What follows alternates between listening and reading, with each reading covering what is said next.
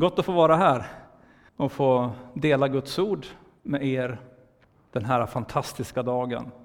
Då vi får proklamera och förkunna och påminna varandra om att Jesus Kristus är uppstånden från de döda.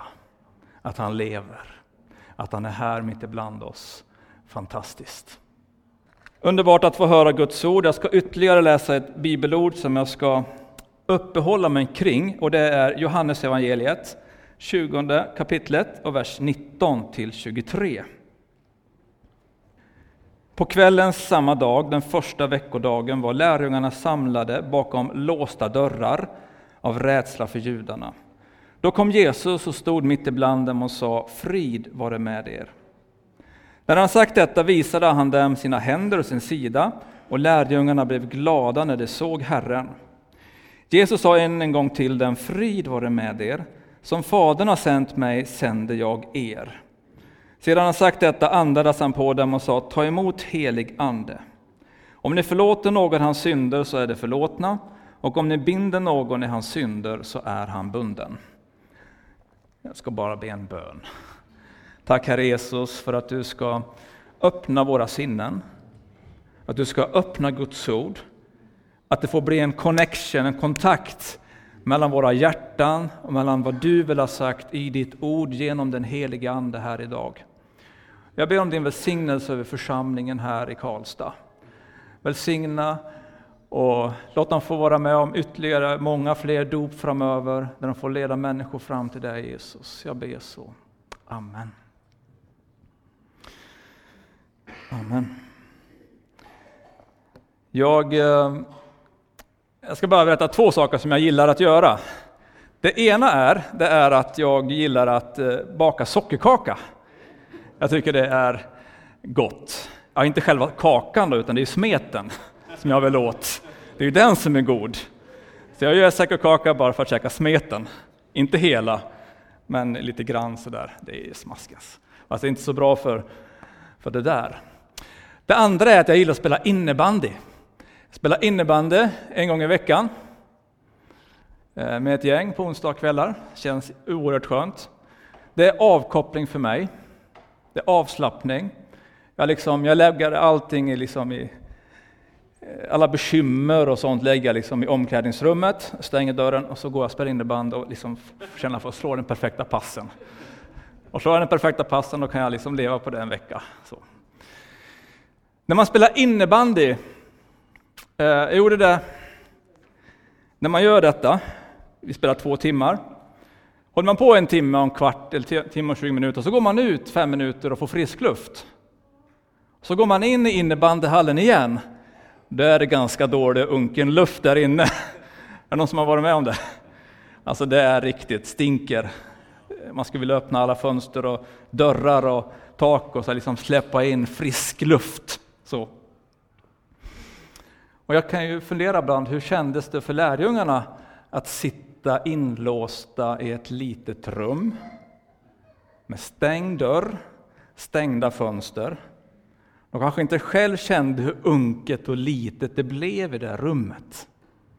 Hur var det för Jesus när han kom in i detta rum? Vad kände han? Jo, han kände av ganska mycket när han kommer in. Han kände av deras rädsla, deras fruktan, deras ångest, kanske deras stresssituation. Och i den här situationen så ger han dem en ny vind. Han blåser in den helige Ande i dem. Fantastiskt. Mellan Jesu uppståndelse från döden och uppstigande till himlen så är det 40 dagar. Och under de här 40 dagarna så möter Jesus olika människor, individer och familjer och grupper och sådär. Ehm, och det här är ett tillfälle då Jesus möter tio stycken lärjungar. Judas var inte med, Thomas var inte med vid det här tillfället, utan det var tio lärjungar. Och de sitter ju inlåsta då i ett rum, de var rädda, de var oroliga.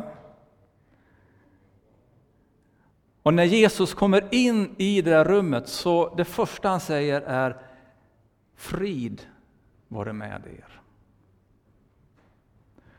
Och de tar emot denna frid och de blir förvandlade i hjärtegrunden. Problemet var inte att de hade stängt in sig i kyrkan eller i det här rummet. Problemet var ju det som var i deras hjärtan. Markus säger att de var, hade hårda hjärtan, hjärtan som var fyllda av otro. Lukas skriver att det var fyllda av tvivel. Så det var inga bra grejer som rörde sig i deras liv, i deras hjärtan, där de satt i sitt rum, i sitt hus. Men när Jesus kommer in så ger han dem frid. Frälsaren kommer, den uppståndne. Och när han har gett dem den friden, nu har han möjlighet att tala om deras framtid. Och han säger så här, som Fadern har sänt mig sänder jag er. Jesus sänder dig och mig att följa hans fotspår. Jesus sänder dig och mig för att göra det han, det han gjorde. Det ska också vi göra. Vi ska bli lik honom. Det är vår kallelse, vårt varför vi är kristna, Därför att vi ska bli lika Jesus Kristus. Och då tänker inte jag så här att man ska, då ska vi sätta på oss en vit klänning, sandaler, odla skägg, tyvärr tjejer. Åka till Israel, lära oss arameiska, grekiska och hebreiska, äta den maten och bli lik honom på det sättet. Det handlar inte om det yttre, utan det handlar om Jesu karaktär och Jesu uppdrag. Att bli lik Jesus i detta. Och jag ska visa på tre enkla saker i Jesu liv som vi är kallade att följa. Både tjejer och killar. Alla. Enkla saker. Också utmanande. Vad innebär det för oss att följa Jesus idag? Och jag ska använda den här whiteboardtavlan. När använde du den senast? Ja, ett tag sedan. Punkt nummer ett. Det Jesus prioriterade under hans jordeliv, det var detta.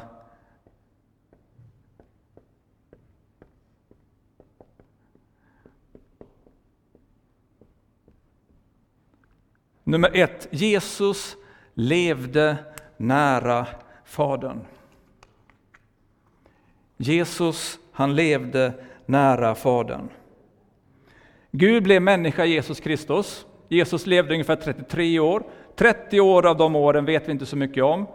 Evangelierna fokuserar de tre, drygt tre åren, hans sista, hans offentliga tjänst. Det finns Lukas återigen berättelse då när Jesus är 12 år gammal. De kommer till Jerusalem och Jesus på något sätt bara dras till templet för han vill vara där, där hans himmelske fader är. Det, är liksom, det finns inom Jesus att leva ett liv nära Fadern. Visste ni inte att jag måste ägna mig åt det som tillhör min fader? säger Jesus. Så Jesus Kristus han levde en beroendeställning till sin himmelske far. Hela tiden kan vi läsa det när vi läser igenom evangelierna, hur Jesus han drog sig undan för att vara tillsammans med sin far, sin himmelske far. Han var beroende av sin himmelske fars kärlek och omsorg och vägledning och kraft och styrka och närvaro. De levde tajt, Jesus och hans far. Före de stora besluten, innan han skulle välja ut tolv lärjungar, så umgicks han med sin far en hel natt i bön. För att han skulle välja rätt personer. Mitt i verksamheten, när stora skaror kommer för att lyssna på Jesus och vi blir helade av honom och får höra honom, så kan det helt plötsligt stå så att Jesus han drog sig undan, för han vill vara med sin far i himlen. Efter de stora framgångarna så drog sig Jesus undan för att vara tillsammans med far. Johannes skriver så här i första Johannesbrevet.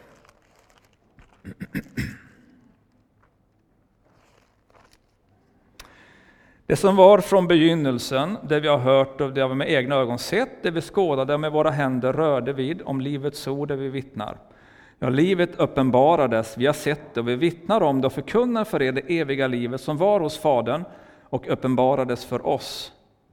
Det vi har sett och hört förkunnar vi för er, för att också ni skall ha gemenskap med oss. Och vår gemenskap är med Fadern och hans son Jesus Kristus. Och detta skriver vi för att vår glädje skall bli fullkomlig. Vi är kallade till att leva ett liv tillsammans med Gud i gemenskap med Fadern och Sonen och den helige Ande. Matteus 28. Matteus 28. En, eh, jag tycker om den här, det är missionsbefallningen. Missionsuppdraget som Jesus ger sina lärjungar, som även gäller oss idag. Och när jag läser den här, då ser jag att Jesus ger faktiskt två tydliga befallningar i det här sammanhanget. Hör på det här. De elva lärjungarna begav sig till det berg i Galileen dit Jesus hade befallt dem att gå. När de såg honom tillbad de honom, men andra tvivlade.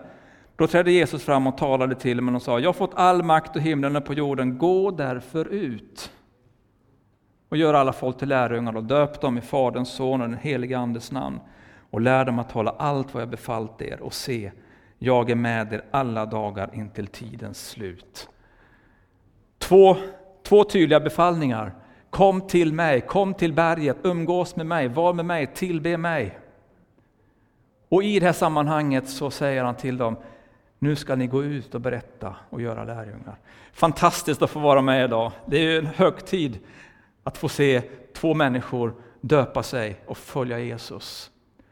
Jag brukar säga så ibland att eh, jag gillar, jag gillar att åka berg och dalbana. Det är helt underbart. Liksom. Alltså det är ju, alltså man kommer upp och innan man åker ner så är det liksom den här känslan att nu kommer det snart. Det är fantastiskt. Att döpa någon är ju en höjdpunkt i en pastortjänst utifrån min, mitt perspektiv. Jag tycker det är fantastiskt att få leda någon till Jesus och få döpa den människan till Kristus. Jag säger det till medlemmarna i Pingstkyrkan i Karlskoga. Jag önskar att ni alla skulle få vara med om denna välsignelse. Att få leda någon till Jesus och själv kliva ner i dopgraven och döpa personen. Ja, men gäller inte det pastorn?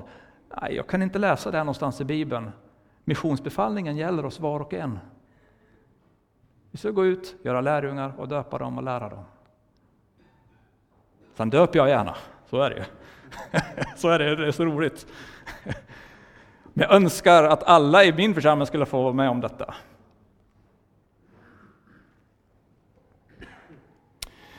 Jag minns det när jag själv döptes. Eh, jag var 16 år gammal 1987 i Säters pingkyrka i Dalarna. Jag var där en, en fredagkväll, det var, någon, det var någon ungdomskonferens där. Och eh, jag är med på den gudstjänsten. Jag minns inte mycket från den gudstjänsten den fredagskvällen. Det jag minns, det var att Jesus kallade mig då och där. Den kvällen kallade Jesus mig nu Stefan är det dags för dig att följa mig. Jag minns inte vem som predikade, jag minns inte hur jag kom dit, jag minns inte hur jag kom hem. Alltså det, alltså, men jag minns bara detta. Och jag kände på något sätt när jag satt där, det var bara jag och Jesus den kvällen. Efteråt har jag bearbetat mitt dop och liksom pratat med min, min, min mamma och, och, jag har besökt Säters pingkyrka och då, den pastorn som jobbade då där, han lever fortfarande, så jag intervjuade honom. Och då har jag tydligen haft ett dopsamtal med honom och han kunde inte få mig att vänta. Det var Lasse Nylén som predikade, han som döpte mig. Och jag blev ju superglad att få ta det här steget. Någon tog en bild också, så jag har en bild liggande hemma i, på expeditionen i kyrkan. Så. jag var superglad. Jag fick hela paketet, tungotal och heligande och allt det här på en gång den kvällen. Så, så kom jag hem klockan två på natten och väcker mina föräldrar. Upp med dörren, de ligger och sover och sa att nu har jag gjort det! Och de yrvaket, vad är det vad du har gjort för någonting? Jag har döpt mig, så. Och de blev ju jätteledsna. Och jätteglada. De var ju ledsna för att de vill ju vara med egentligen, eller hur? Samtidigt var de glada att de inte gjorde det för min skull. Jag, gjorde, jag döpte mig inte för deras skull, utan jag gjorde det för att Jesus kallade mig att följa honom. Det var därför jag gjorde detta. Och så vet vi att det varit lite fight mellan Pingstkyrkan i Säter och Pingstkyrkan i Kvarnsveden. Att jag tog deras medlemmar och döpte, ja det vart sådär, men det har jag lagt, det har jag lagt åt sidan. så kan det bli. Men det var bara jag och Jesus den kvällen och så hände ju någonting fantastiskt där för några år sedan. Då var vi i Pingstkyrkan i Jönköping på en pastors, pingstpastorskonferens. Det var flera hundra pastorer. Och så var det lunchdags och jag eh, tar min bricka, och så ställer jag mig där och så funderar jag, var ska jag sitta någonstans? Och så sitter det en pastor där. Då tänkte men nu måste jag gå och sätta mig hos honom. Så jag går och sätter mig hos honom. Peter heter han, från Malmö. Jag har aldrig sett honom förut. Så. Men det var kul att lära känna honom ny. Så vi började prata, småprata lite grann och sådär. Och som pastorer så kommer vi lätt in på hur man blir frälst och sådär. Och, jag sa, jag var 16 år liksom, 1987. Jaha, spännande, sa han. Jag döpte mig också 1987, blev jag också frälst. Ja, spännande. Ja, jag var i Dalarna, i Säter, sa jag. Jaha, sa han. Jag var också i Dalarna, i Säter. Okej. Okay. Det här var en fredagkväll, sa jag. Så började vi som spåna sådär. Ja, det var också en fredagkväll för mig. Då sa han att då var han på en ungdomskonferens i Säters pingkyrka i Dalarna 1987. Det är en fredagkväll. Och så berättade han ungefär det jag hade återgivit då, att det var bara han och Jesus den kvällen. Och han döpte sig den kvällen. Jag minns inte det. Det var en fantastisk upplevelse att bara få möta honom och få dela den erfarenheten. Att Jesus kallade någon mer den kvällen. Och Jesus han kallar oss att leva nära Fadern, att få följa honom, leva nära Gud.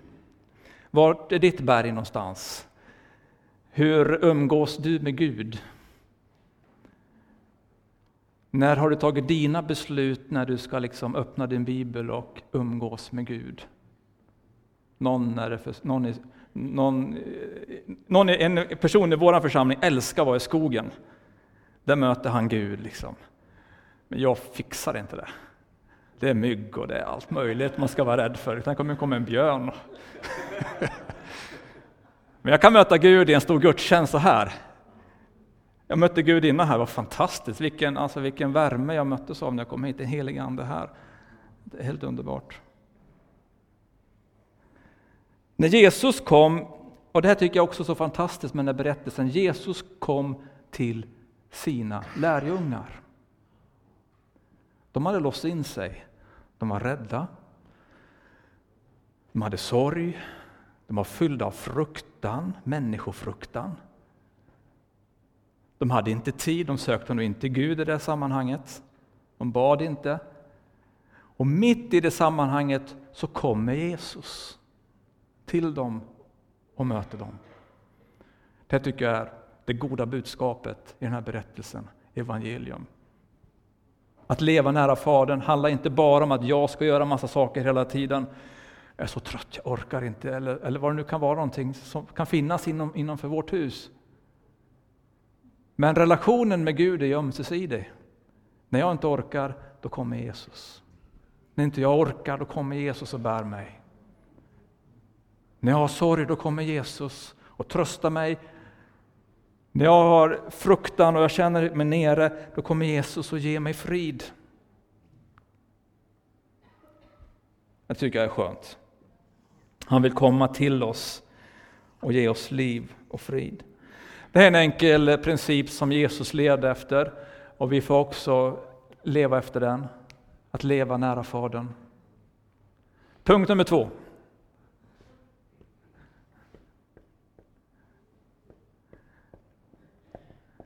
Levde nära äh, de tycker jag är nödkyrkan i Karlskoga. Jag jobbar med så ord, ordnöd. Folket, såklart. Jesus levde nära folket. Jesu offentliga tjänst består av en serie möten med individer, med familjer och med stora skaror. Han mötte människor hela tiden. Det står så här om Jesus att han vandrade omkring. Så. Det står vid ett tillfälle att han red, och den red in i Jerusalem. 100 meter kanske, 200 meter, hoppade av åsnan och så började han gå igen. Han vandrade omkring i tre år. Och ibland kan jag tänka, vad det Jesus, du kunde ha varit mer effektiv och tagit en snabb häst och åkt från stad, från stad till stad. Gjort ett namn och byggt en plattform och så vidare. Men det verkar inte vara intressant för Jesus, utan han vandrade omkring. En pastor sa till mig så här när jag var yngre, alltså att gå sakta över kyrktorget efter gudstjänsten, se människor i ögonen, hälsa på människor. Vandra omkring. Det är någonting jag försöker praktisera. Ändå kan man få kritik ibland för att man missar att hälsa någon, hälsa på någon. Ja, den här pastorn han ser inte mig, eller Nej, pastor, pastorn inte på mig. Och så står man där 150 pers liksom, att åh, jag skulle hälsa på alla. Det går ju inte. Till och med Jesus kände vånda ibland när han såg folkskarorna som var som får utan hede. Och så bara, gode Gud, be skördens Herre att han sände arbetare. Be Gud att han sände fler vaktmästare som hälsar på folk.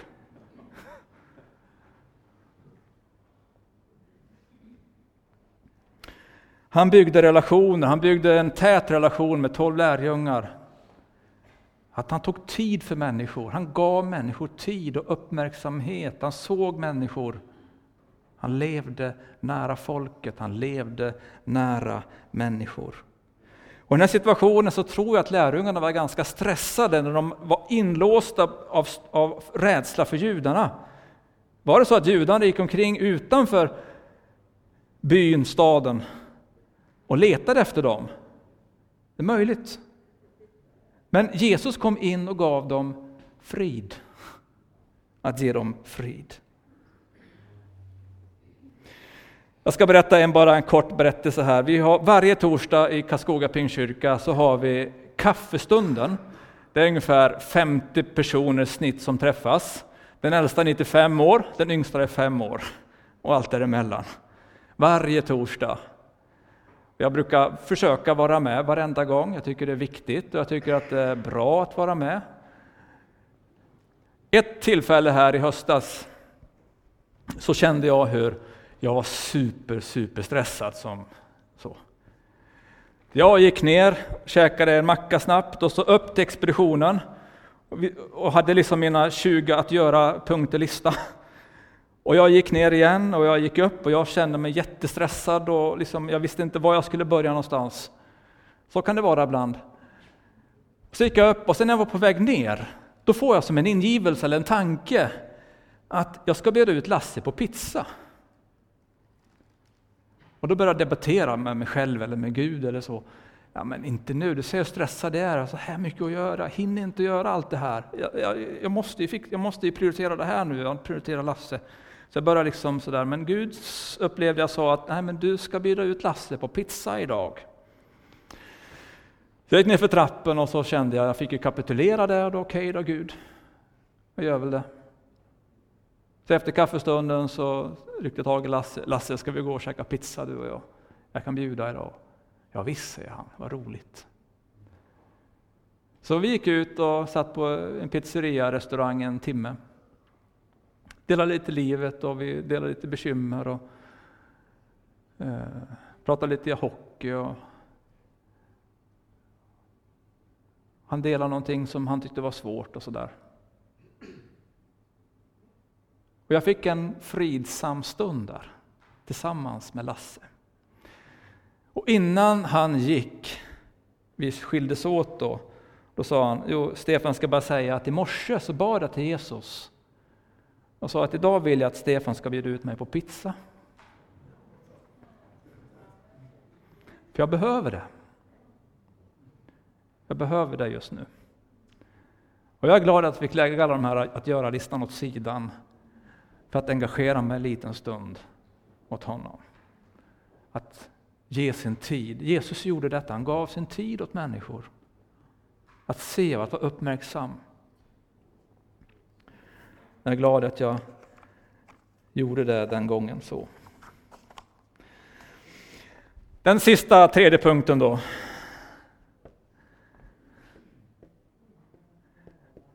Levde för att försona de två. Jesus levde nära Fadern. Jesus levde nära Gud och han levde för att försona de två. Kristus dödades för våra synders skull och uppväcktes för vår rättfärdiggörelses skull. Jesus är uppväckt för att vi ska få ett rätt förhållande med Gud. Så genom Jesu död och genom Jesu uppståndelse så har Gud liksom Jesus öppnat dörren till Guds gemenskapen. Och det var det han gjorde, han hängde på korset.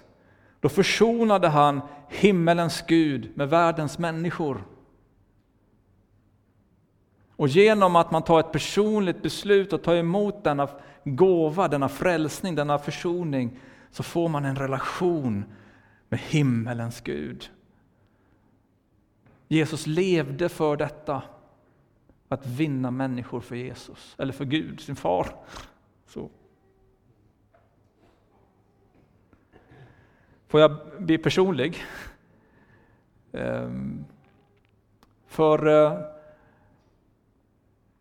juni förra året så gick jag med min familj tillsammans med en annan familj Lunnedstrampet. Är det någon som känner till den? Det då går man från Karlskoga till Lunnedet över berget. Har med sig matsäck. Det tar fyra, fem timmar att gå. En underbar dag. Solen lyste. Det var varmt och det var gött. Och jag kom, jag knallade lite före familjen och så ställde jag liksom mig och så beundrade jag liksom naturen och kände bara liksom, wow vad skönt, här är det skönt att vara. Hade, ja, liksom, jag, jag, tänkte inte på att be eller någonting sånt där, det var bara var. Och så plötsligt så fick jag en, en tanke, en sån ingivelse igen då. Och kände att jag ska be för min familj. Mina föräldrar var på besök hos min syster som bor i Nyköping. Jag kände bara att jag skulle be för dem. Men jag visste inte riktigt hur jag skulle be. Och när jag inte vet hur jag ska be, då brukar jag tala i tungotal. För då vet jag att då hjälper den heliga Ande mig så att det blir en bra, rätt bön. Så, så jag, jag går, okej, okay, okay, då, då, då, bad jag. Så. så jag bad tungotal i 20 sekunder. Sen sa jag amen. Och sen 10 sekunder så sa jag Gud, jag ber om försoning. Amen. Så. Jag noterar tiden klockan 11. Jag höll på 30 sekunder, det var min tid med Gud. Och sen kom familjen och sen droppade det och sen gick vi vidare. Då, så. Och sen eh, när jag kommer till Lunnedet då efter några timmar, ett, två eller sådär, då tänkte jag att jag måste ringa min syster och fråga liksom, om det var någonting som hände precis då. Och då säger hon så här att ja, nu blir jag väldigt personlig så då, men det hände, det uppstod en konflikt mellan min pappa och min systers son, som var svår, sa hon. Precis då. De grälade.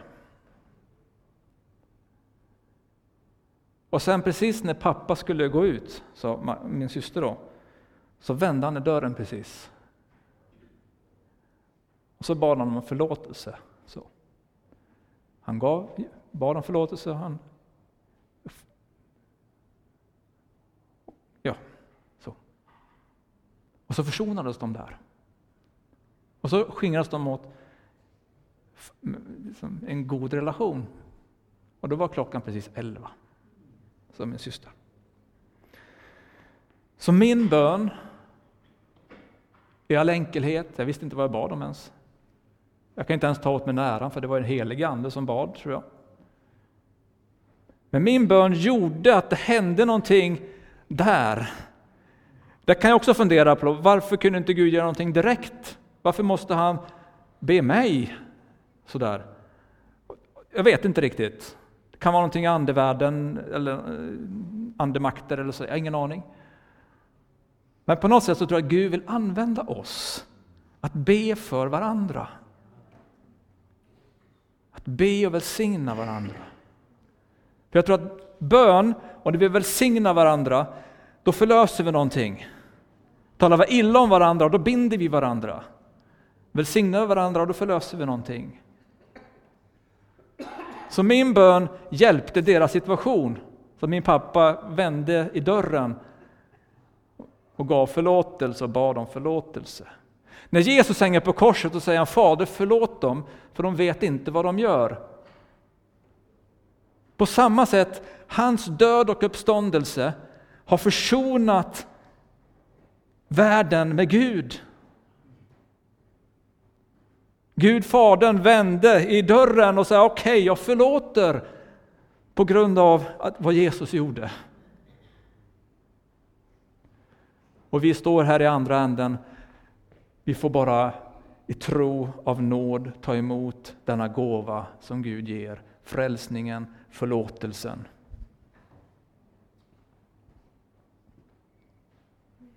Gud var i Kristus och försonade världen med sig själv. Därför vädjade Paulus på Kristi uppdrag, låt försona er med Gud. Han som inte visste av synd, honom gjorde Gud i synd i vårt ställe för att vi skulle bli rättfärdiggjorda inför Gud. Alltså få en rätt relation med Gud. Gud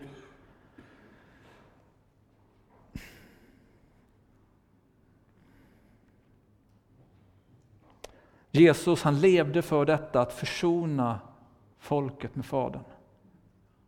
Människor med Gud. Därför tror jag det är så oerhört viktigt att vi ber för varandra. Jag tror att det, om du ber för att någon ska bli frälst, upptäcka Jesus, din bön betyder oerhört mycket. Din bön betyder jättemycket. Fortsätt att be, fortsätt att tacka Gud, fortsätt att välsigna. Nu ska jag alldeles strax säga amen. I den här texten så kan vi finna det här mönstret. Vers 19 till 20 så står att frid, han ger dem frid. Han umgås med dem, han äter med dem, de får känna på honom, de får höra honom. De umgicks med Gud. Och vers 21 och 22 säger han, frid igen. Som Fadern sände mig, så sänder jag er. Lev som jag levde, lev nära Fadern, lev nära människor, lev för att människorna ska hitta Gud, de ska hitta varandra. Och han har också gett oss den helige Ande som hjälpare. Och sen står det också om ni förlåter någon hans synder, det tredje då, alltså vi är försoningens budbärare. Vi ska förkunna syndernas förlåtelse, skriver Lukas. Syndernas förlåtelse. Nu vet inte jag, du kanske befinner dig inom det här rummet. Det kanske är relationsproblem som du har. Då vill Gud hjälpa dig. Du kanske är, sitter fast i människofruktan. Eller vad det nu är för någonting. Jesus han vill komma in i ditt liv och förändra dig precis som han förändrade lärjungarna. Så det är mitt enkla budskap idag. Lev nära Gud. Umgås med människor. Och lev för att försona dem båda. Det är vår kallelse som, som Guds folk, som församling, tills Jesus kommer tillbaka. Och jag tror att han kommer snart. Jag brukar leva så, jag tror att, jag tror att han kommer i år. Jag tror att han kommer i år. Jag lever så varenda år.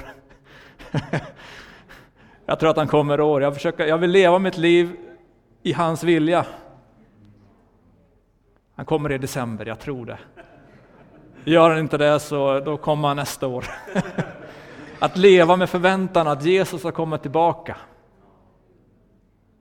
Men vi har ett uppdrag att utföra innan han kommer. Frågan är om du vill vara med. Nu säger jag amen. Tack för att ni har lyssnat. Har jag sagt något tokigt så låt det ordet bara dö. Har jag sagt något bra, låt det få växa till i ditt liv. Jag ber om Guds välsignelse över församlingen här. Vi har dött 17 stycken förra året. Vi är jätteglada och tacksamma för det. I församlingens historia i Karlskoga så har man döpt två till tre personer i snitt varje år. Men hade vi en topp förra året. Och vi är så glada och tacksamma för detta. Och härligt att höra också att ni får döpa människor här. Det är ett tecken på att någonting är bra. Gud välsigne er. Amen.